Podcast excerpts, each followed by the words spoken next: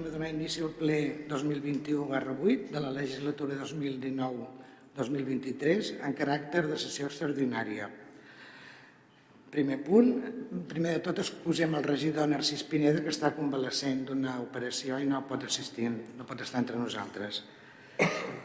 Primer punt, aprovació de la modificació de l'ordenança fiscal número 1 reguladora de l'impost sobre béns immobles per l'exercici 2022. Li passo la paraula al meu company Raül Mudarra, regidor d'Hisenda. Endavant. Primer la senyora secretària, si vol llegir els acords. Les propostes d'acord són les següents. Primer, aprovar inicialment per l'exercici de l'any 2022 i següents la modificació de l'ordenança fiscal número 1 reguladora de l'impost sobre béns immobles així com l'esborrany d'ordenança que s'incorpora al present acord, formar-ne part del mateix a tots els efectes. Es modifica el punt quart de l'article 6è, modificar les condicions per l'obtenció de la bonificació per ser titular del títol de família nombrosa. S'afegeix el punt 5è a l'article 6è per l'establiment d'una bonificació del 95% pels immobles d'ús residencial destinats al lloguer d'habitatge en renda mínima per norma jurídica. S'afegeix el punt 6è a l'article 6è per l'establiment d'una bonificació del 95% pels immobles on desenvolupin activitats econòmiques que siguin declarades d'especial interès o utilitat municipal per concórrer circumstàncies socials, culturals, històrico-artístics o de foment de l'ocupació que justifiquin tal declaració.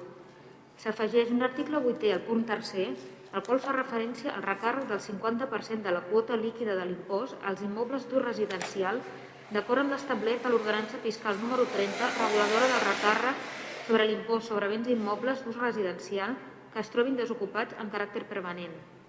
Les modificacions es detallen a la proposta.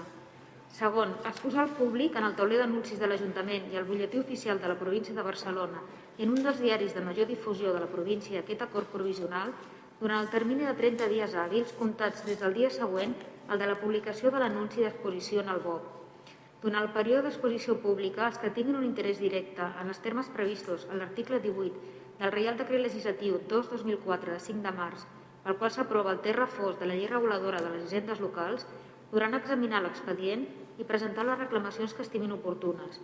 Transcorregut el període d'exposició pública sense haver-se presentat reclamacions, els acords adoptats s'entendran aprovats definitivament. Tercer, publicar el butlletí oficial de la província els acords definitius que un cop transcorregut el període d'exposició pública procedeixi a adoptar, així com el text íntegre dels articles modificats de les ordenances corresponents. Moltes gràcies, senyora secretària. La passaré la paraula amb el regidor Raül Moderna. Endavant, sisplau. Hola, bona tarda. Bé, a aquest primer punt de, del ple portem doncs, a aprovació la modificació de l'ordenança fiscal número 1, eh, que regula, que és l'ordenança reguladora de l'impost sobre els béns immobles eh, a l'IBI, i en aquest cas eh, hi ha diferents punts que es modifiquen. Un primer punt eh, en el qual doncs, eh, es marquen les condicions per a l'obtenció de la unificació per ser titular, titular del títol de família nombrosa, en aquest cas, doncs, les bonificacions que, que es proposen fins a un 75% de la quota anirà lligada, a més, als ingressos de la unitat familiar. Eh, ja, com heu vist, en tres barems, 75, 50 i 25%, eh, en base a aquest indicador de renda de suficiència de Catalunya. Aquesta és la primera proposta de modificació amb aquest, aquesta ordenança fiscal, en la qual podeu veure, doncs, podem veure doncs, la, la diferència del, de l'escrit que hi havia anteriorment amb la modificació que s'aplicaria amb aquest, aquest apartat. Eh, per altra banda, doncs, també hi ha eh, dues bonificacions que s'introdueixen. Per una banda, doncs, la bonificació del 95% per al lloguer de pisos amb renda limitada, de manera que quedi regulat a, l'ordenança i també l'establiment de la bonificació del 95% eh, per als immobles on es desenvolupin activitats econòmiques que siguin declarades d'especial interès o utilitat municipal. En aquest cas, doncs, aquesta declaració d'interès vindria, vindria donada per ple, prèvia sol·licitud de, de, de l'interessat. I, per últim, aquesta modificació de l'ordenança de, de l'IBI eh, s'afegiria el, el recàrrec del 50% de la quota líquida de l'impost als immobles d'ús residencial d'acord amb l'establert de l'ordenança fiscal número 30, reguladora del recàrrec sobre l'impost sobre béns immobles d'ús residencial que es trobin desocupats en caràcter permanent, permanent perdó, que seria la, la proposta d'ordenança que vindríem al següent punt d'aquest ple. En principi són aquestes modificacions de l'ordenança fiscal número 1 que, que portem com a proposta a aprovació. Gràcies. Moltes gràcies, regidor. Comencem el torn de les, de les paraules. Senyor Monsonis. Sí, gràcies, alcaldessa. Des de Junts per Covelles eh, som conscients de que estem passant per uns moments eh, especialment delicats per la ciutadania amb una situació econòmica complicada i que doncs, estem veient que diferents serveis de caràcter també estatal s'estan incrementant, eh, que és el preu de diferents serveis elèctriques, etc.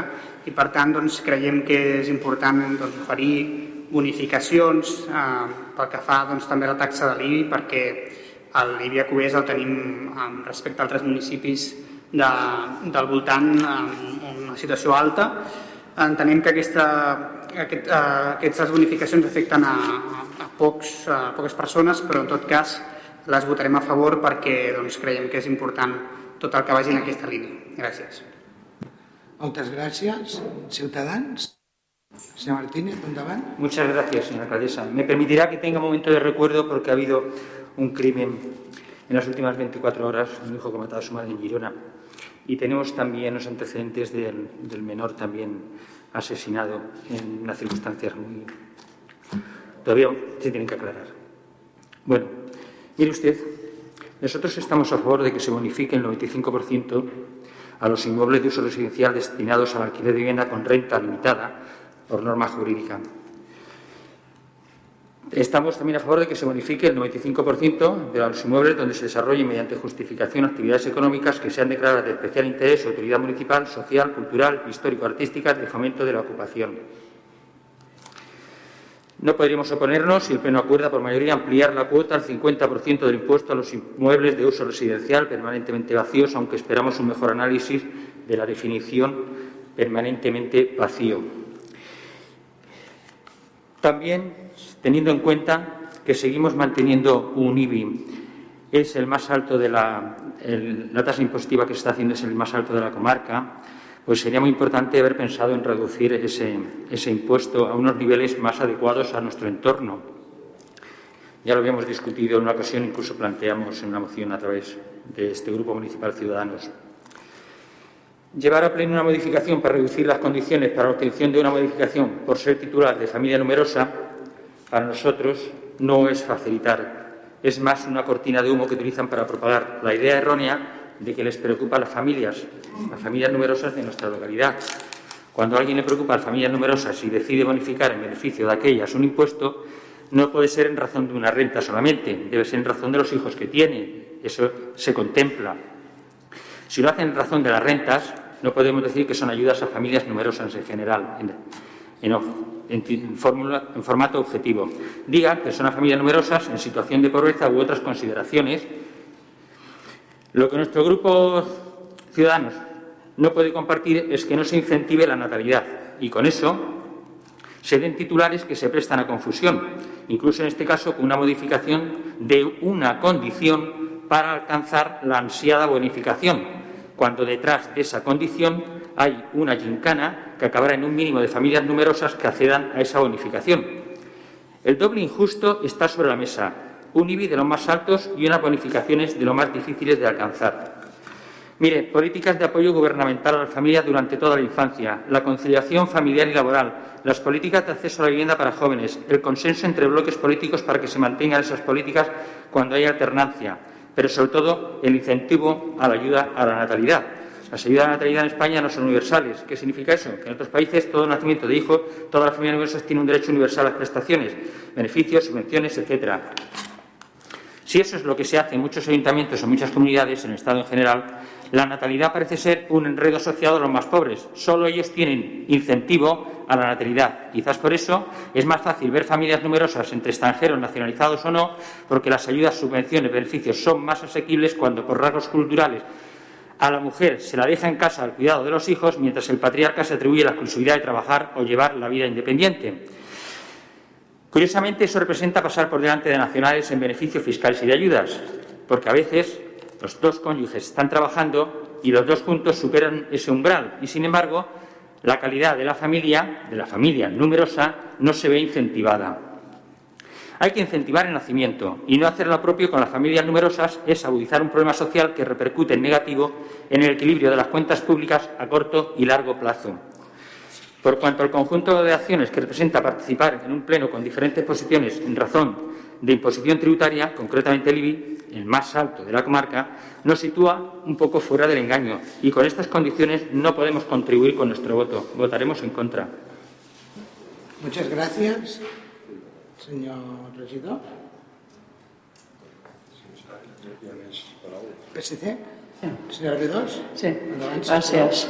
El grup municipal del PSC votarà a favor de pujar l'IBI dels pisos buits, igual que votarà a favor de la resta de propostes presentades, perquè entenem que són dues mesures positives per a la població i en tot el que sigui positiu el PSC hi votarà a favor. Tot i això, sí volem denunciar la incoherència de convocar un ple extraordinari a 15 dies d'un ple ordinari.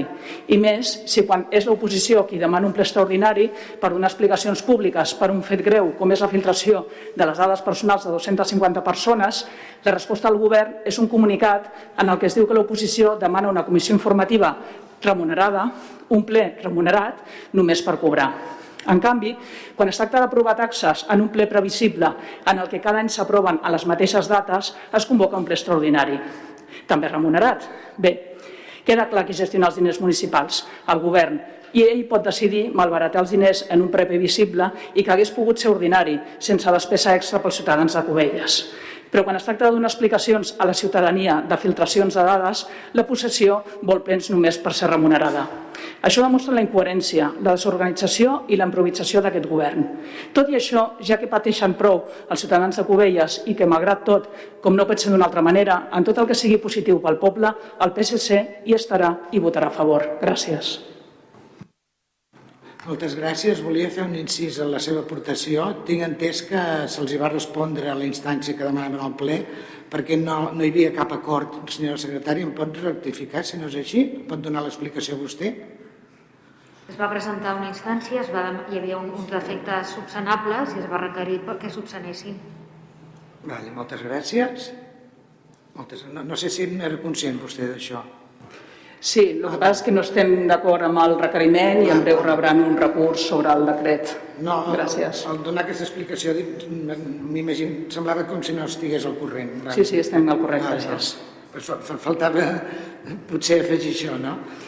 Bueno, la, la, ja ho explicarem als ciutadans, la convocatòria de ple és automàtica, no? al cap de cinc dies, i en canvi se'ns va demanar un requeriment fora de termini. Si el context és correcte, sí, però en aquest cas no ho era. Per això ho han tingut que tirar enrere i tornar a començar de nou. Bé, doncs presentarem un recurs i ja explicarem als ciutadans Gràcies. el tema. Eh, senyor Moderno? Señora alcaldesa, permite, por alusiones a lo que se ha referido, es un tema. Yo también intervengo. Perdón, es que no, no lo he entendido bien. Si se me permite intervenir en relación a esas alusiones que se han hecho respecto al Pleno. Por su parte, ¿Alusiones? de- sí. ¿A usted se le han hecho? Bueno, entiendo, entiendo que somos parte, Sí, pues, cap problema. como usted considere. ¿Perdone? Como usted considere, si me da el uso de la palabra. Sí, sí, sí, sí, adelante. Bien, nosotros también hemos incidido en ese hecho de que hemos solicitado un pleno y habíamos puesto lo que solicita la normativa y las resoluciones judiciales, sentencias del Constitucional y Supremo sobre la materia.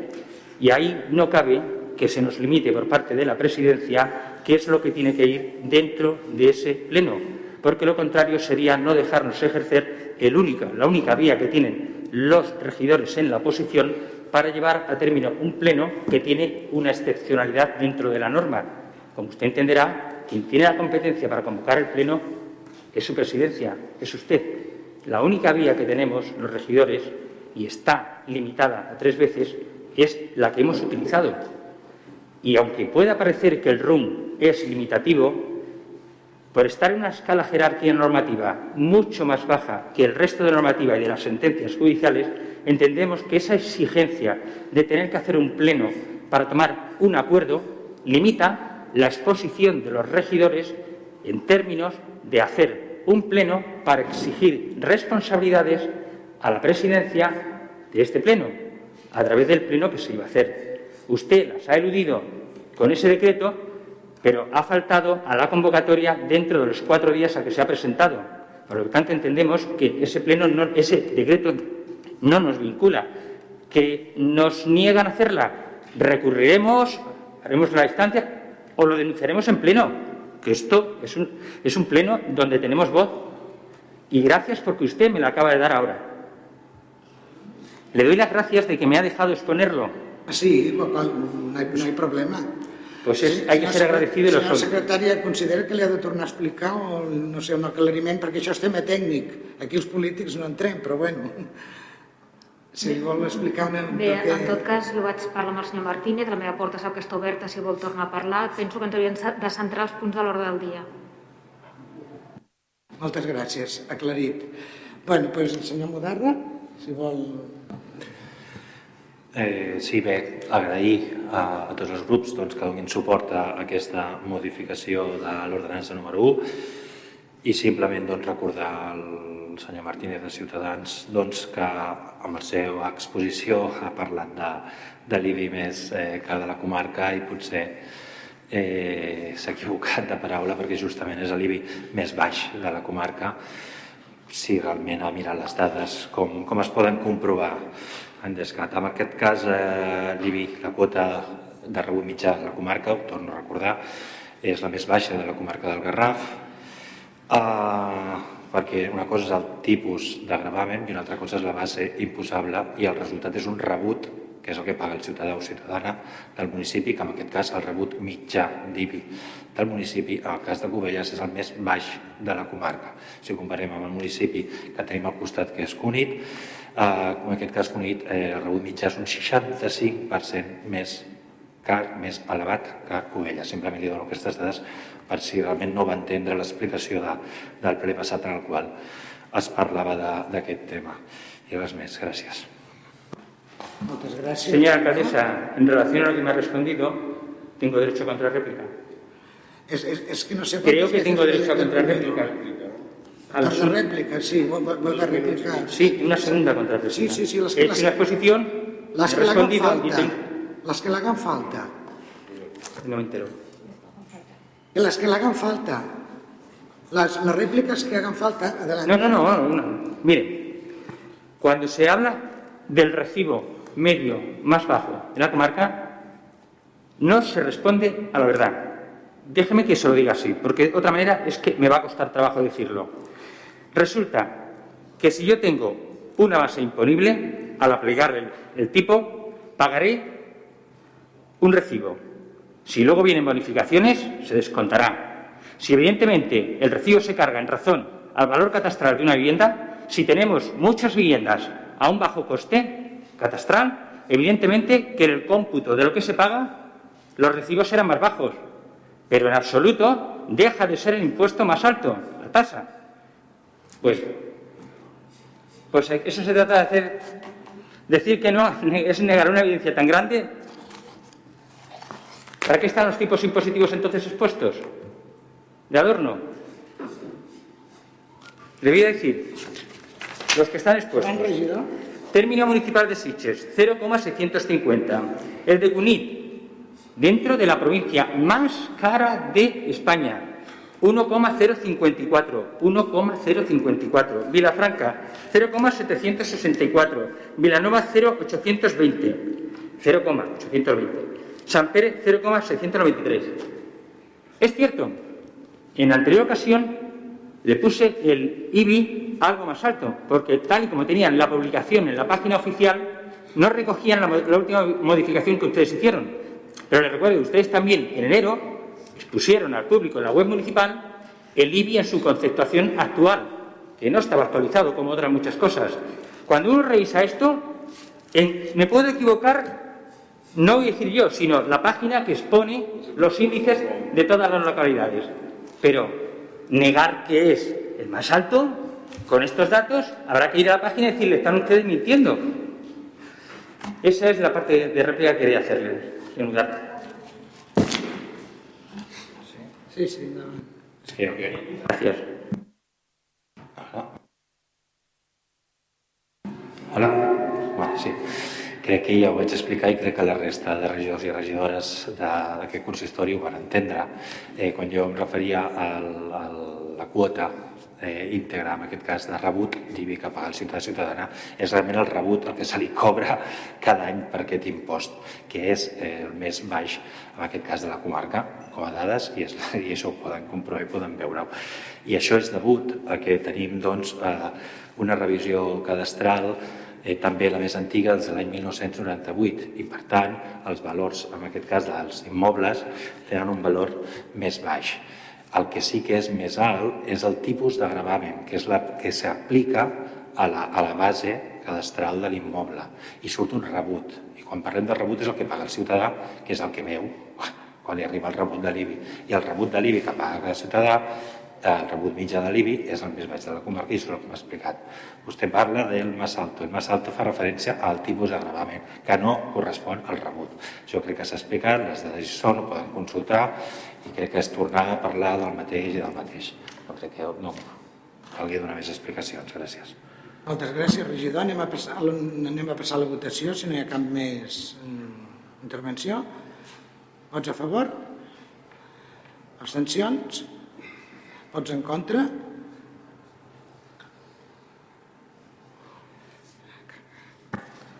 La proposta queda aprovada amb els 14 vots favorables dels grups municipals d'Unitat Covellenca 11, Esquerra Republicana de Catalunya, Junts per Catalunya, PSC i la CUP, cap abstenció i els dos vots en contra del grup municipal de Ciutadans. Moltes gràcies. Anem a passar al segon punt, que és aprovació de l'ordenança fiscal número 30, recàrrec sobre l'IBI dels immobles de l'ús residencial que es troben desocupats amb caràcter permanent. Vol llegir els acords, senyora secretària, sisplau?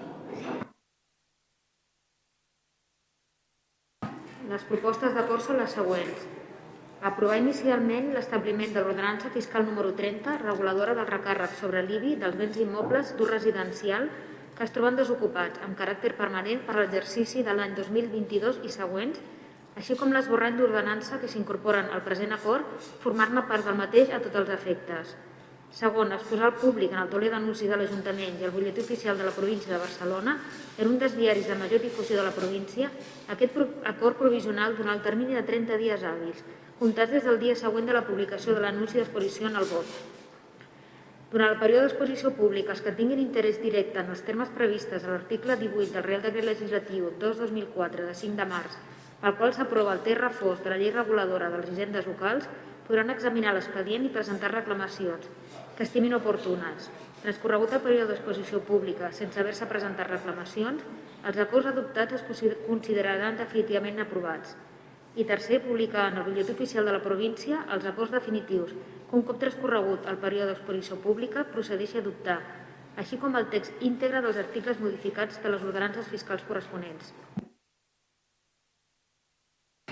Moltes gràcies. Regidora, endavant.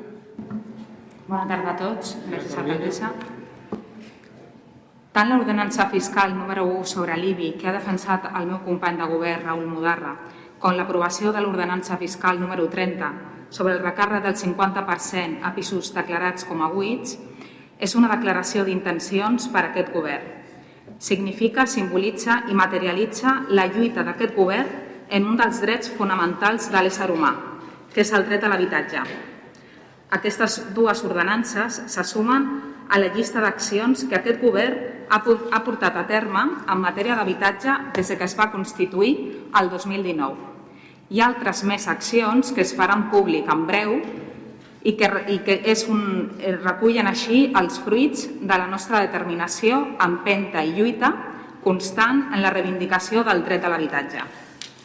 L'ordenança número 30, amb aquesta ordenança volem sumar-nos al gruix de municipis que posen de manifest el principi d'igualtat en la riquesa, que els que més tenen, que són els bancs i grans tenidors, paguin més que els particulars que no tenim. És, a més, una reivindicació de la necessitat de respecte cap a un dret fonamental al qual creba, creba, quebranten i mercantilitzen les entitats financeres, que decideixen tapiar pisos perquè estiguin totalment desocupats durant anys per tal d'especular amb ells el seu preu de venda més alt possible. i, mentrestant, amb una necessitat imperiosa social de pisos de lloguer assequible. La nostra obligació i compromís com a govern és vetllar pels compliments dels drets fonamentals. I el dret de l'habitatge no pot estar a la venda. Pressionarem el que ens permeti el marc, legal que és aquesta ordenança, els bancs i grans tenidors. Paral·lelament, continuarem amb altres accions per fer història a Cubelles en matèria d'habitatge, sent el govern que posarà en valor aquest dret fonamental. Moltes gràcies. Moltes gràcies. Passem al torn de les paraules. Senyor Monsoni, sisplau. Sí, des de Junts per Covelles, en relació a sintonia amb el que hem dit abans, també aprovarem aquesta proposta. Gràcies. Permiso, señor Alcaldesa. Què ha passat? Ja està? Sí, sí. Ah, perdona, pensava que havia tingut algun problema amb l'ordinador. Um, Gracias, señora alcaldesa. Señora regidora, tampoco es tanto. Estamos hablando de subir un 50% más, como ha dicho usted, a grandes tenedores, a muchos pisos que hay vacíos, que se conseguirán, pero es que la norma no es directamente aplicable, no se aplicará de golpe ese, ese recargo a cualquiera. Tienen que reunir unos requisitos. Esa parte está complicada. Segundo, si de verdad quiere hacer historia, tendría que haber empezado en el tiempo, en el campo urbanístico, los terrenos que hemos tenido que estaban dedicados en exclusiva para un uso de viviendas de protección oficial en régimen de alquiler y hasta hace poco estaban ocupados porque se habían cedido de una manera onerosa, entiendo que bajo precio, a alguien para que lo tuviera ocupado, cuando la responsabilidad era que estuvieran disponibles para que usted quiere, que estoy convencido que es su deseo, estoy convencido que es su voluntad. Pero, de verdad, ahora mismo no es para tirar cohetes, ¿eh? La cosa está bastante flojita en cuanto a la oferta. Si tenemos que recurrir al régimen impositivo para acabar cumpliendo las obligaciones que tienen como gobierno, vamos mal. Y a través de una tasa impositiva, como estoy diciendo, que ya empieza por un injusto. Me gustaría que fuera verdad, bueno, que fuera verdad, que se hiciera realidad, sería la palabra, lo que usted desea. También es nuestro deseo, pero por ahora no vamos bien encaminados. Muchas gracias. Senyora Bedó, sisplau. Poc més afegir el que he dit al primer punt. Nosaltres votarem a favor perquè creiem que és una bona mesura. Possiblement estem d'acord amb el senyor Martínez que caldrien més polítiques, a part de l'empenta seva personal, que li agraïm, però hauríem de tenir també fer altres mesures, però aquesta la considerem correcta, per tant votarem a favor. Gràcies. Moltes gràcies. Anem a passar a la votació. Vots a favor?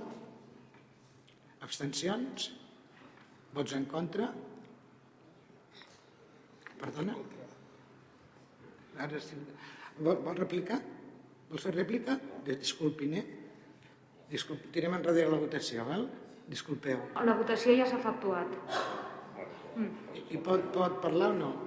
Si li dona, si li dona la paraula... Sí, si, si, si vol parlar, sí. No sé,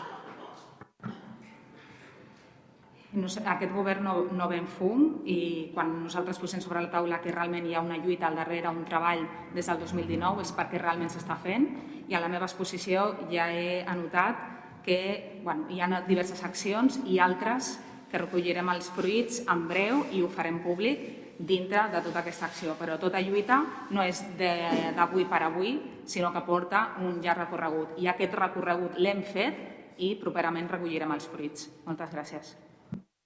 Moltes gràcies i disculpi per haver-la interrompit. Ha quedat clara la votació, senyora secretària? La ordenança queda aprovada provisionalment amb els 14 vots favorables corresponents als grups municipals Unitat Covellenca 11, Esquerra Republicana de Catalunya, la CUP, Junts per Covelles i el PSC, cap abstenció i dos vots en contra del grup municipal de Ciutadans. Moltes gràcies. Doncs anem amb el punt tercer i últim, que és aprovació de la modificació de l'ordenança fiscal 21, taxa de subministrament d'aigua per l'exercici 2022. Vol llegir els acords, senyora secretària, si plau. Gràcies.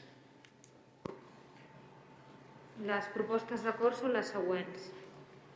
Primer, aprovar inicialment per l'exercici de 2022 i següents la modificació de l'ordenança fiscal número 21, reguladora de la taxa pel subministrament d'aigua, així com l'esborrany de l'ordenança que s'incorpora de forma anexa al present acord, formar-ne part d'aquest a tots els efectes.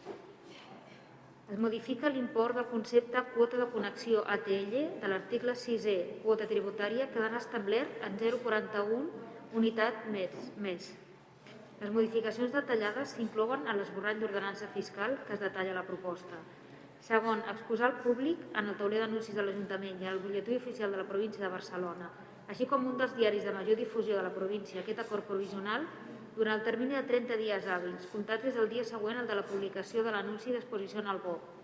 Durant el període d'exposició pública, els que tinguin un interès directe en els termes previstos a l'article 18 del Real Decret Legislatiu 2-2004 de 5 de març pel qual s'aprova el terra fos de la Llei Reguladora de les Hisendes Locals, podran examinar l'expedient i presentar les reclamacions que estimin oportunes. Transcorregut el període d'exposició pública sense haver-se presentat reclamacions, els acords adoptats es consideren definitivament aprovats.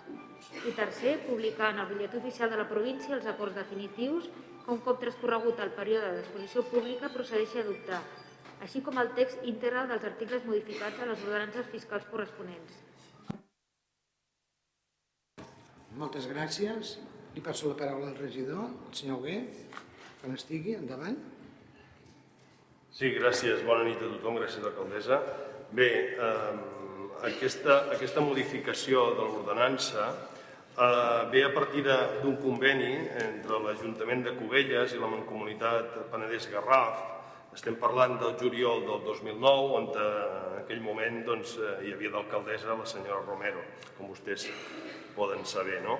Uh, bé, en aquest conveni entre l'Ajuntament de Cubelles i la Mancomunitat uh, hi havia un crèdit de 800.000 euros a finançar en 20 anys per fer la connexió de l'Ajuntament de Cubelles, de Cubelles, amb la xarxa Ter Llobregat, per tal de portar aquesta aigua del Ter Llobregat a, a Cubelles.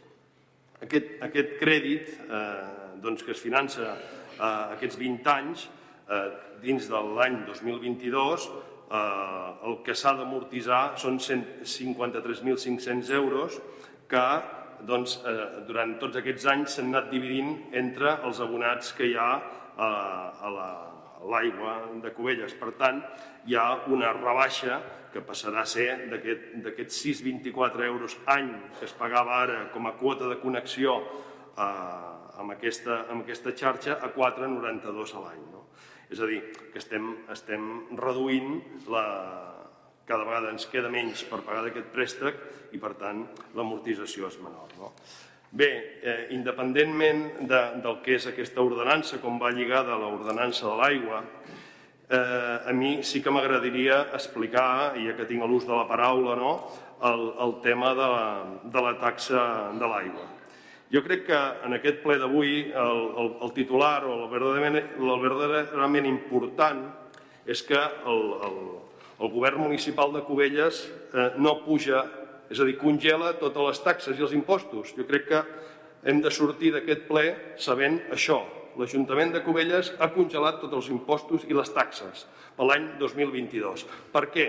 Perquè l'any 2021 van fer l'esforç en ajudar el teixit productiu, en ajudes, en apoyar o donar suport eh, doncs als, als empresaris, als botiguers, eh, a la restauració per tal de superar eh, la maleïda de Covid. Aquest any això ens ha d'ajudar, sense pujar els impostos, a reactivar aquesta reactivació econòmica, valga la redundància, per tal de que definitivament aquesta gent que ha perdut moltes, moltes coses en el camí enfili el camí de la recuperació. I amb això l'Ajuntament de Cubelles doncs, fem un gran esforç, veurem eh, com tanquem el pressupost, però ens els enginyarem de, de la manera possible per tal de fer factible això que avui passem a ple, no aprovar les taxes ni els impostos a Cubelles. Crec que hem de sortir amb aquest titular.